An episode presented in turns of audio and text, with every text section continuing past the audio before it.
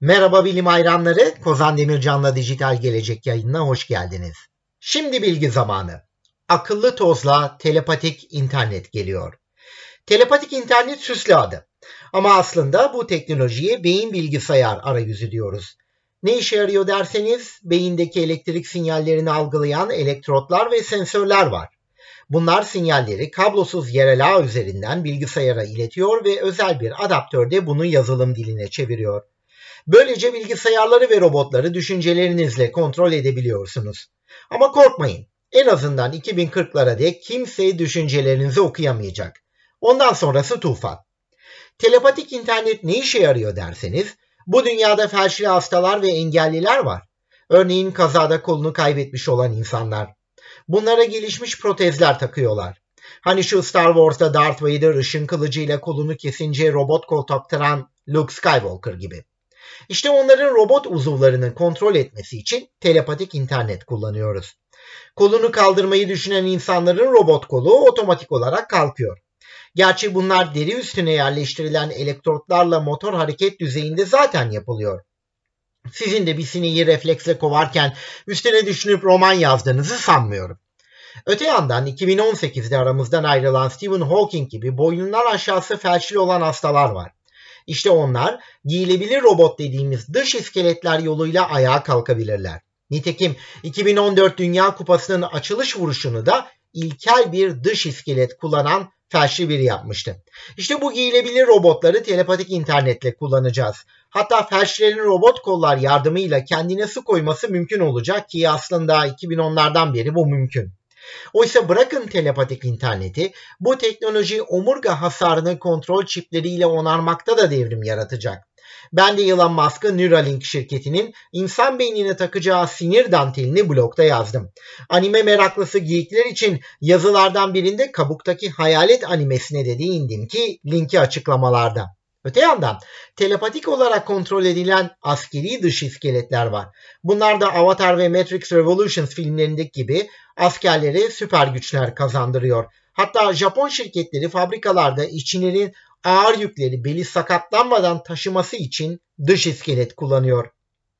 Bunun dışında bilgisayarla iletişim kurmak için sürekli dokunmatik ekran, klavye ve mouse kullanamazsınız. Uzay yolundaki gibi sürekli bilgisayarla konuşamazsınız. Kendi sesinizden kafanı şişer. Benim gibi ders veren hocalar bunu iyi bilir. Yolda yürürken, araç kullanırken de bütün bunlar dikkat dağıtır. Oysa düşünce komutlarıyla haberleşmek nihai eller serbest özelliğidir. Eve gelince kapının açılması veya ışıkların yanması için düşünce komutlarını da kullanabilirsiniz. Gerçi kedi gözü sensörler de otellerde ışıkların otomatik yanmasını sağlıyor. Diğer yandan savaş uçağı ve helikopter pilotlarına gelince iş değişiyor. Yapay zeka kontrolündeki TB2 Bayraktar gibi SİHA'lara karşı çok hızlı tepki vermesi gerekiyor pilotların. SİHA'ları yönetmek, hedef füze kilitlemek, bütün bunlar telepatik internet gerektiren şeyler. Oysa bugüne dek bir sorun vardı, beyne kontrol çipi yerleştirmek. Bunun için kafatası ameliyatı lazım. Doğrusu felçli insanlar dışında kim beynine kablo dikmek veya kontrol çipi takmak ister bilmiyorum. Bu nedenle Amerikalı bilim insanları ve İngilizlerin Neurograins dediğimiz yeni bir telepatik internet teknolojisi geliştirmesi çok ilginç. Siz de buna akıllı tozun öncüsü diyebilirsiniz. Bunlar küçük hap boyunda çipler arkadaşlar. Fare beynine yerleştirdikleri zaman beyindeki nöronların elektrik sinyallerini tek tek algılıyor. Böylece beyin sinyallerini okuma çözünürlüğünü artırıyor. Siz de bu sinyalleri çok net okursanız kendi yapacağınız yağlı boya tabloyu bir robota yaptıracak kadar hassas bir şekilde onu kontrol edebilirsiniz. Zaten ileride düşünce okuma teknolojisi de böyle gelişecek. Neurograins ya da Türkçesiyle sinir tanecikleri ileride küçülerek akıllı toza dönüşecek.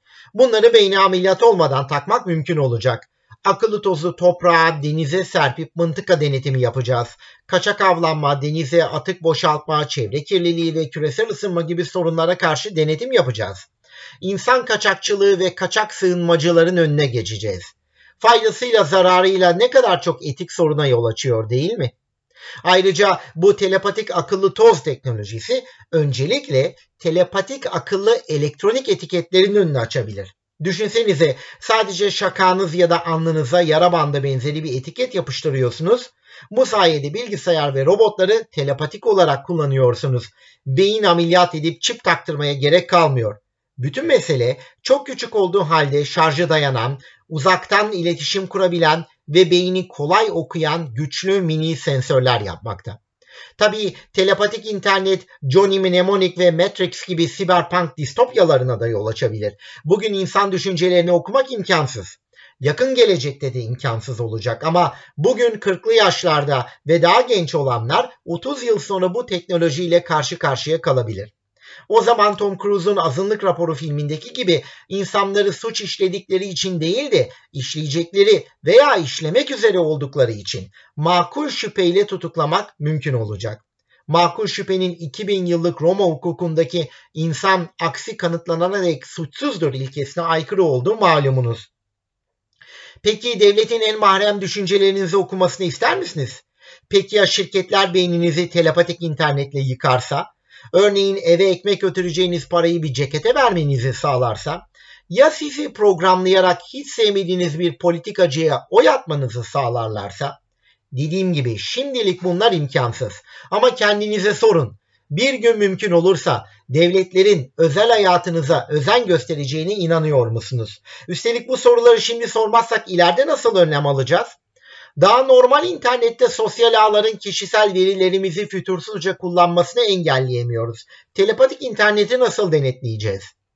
İşte beyin bilgisayar arayüzleri yani telepatik internet konusunda önce olan Brown Üniversitesi bilim insanları Neurograins akıllı toz ile bu tehlikeli Pandora'nın kutusunu açıyor. Tabii ki felçli insanları ayağa kaldırmak ve insan hayatını kolaylaştırmak isteriz. Kötü teknoloji yoktur. Kötüye kullanılan teknoloji vardır.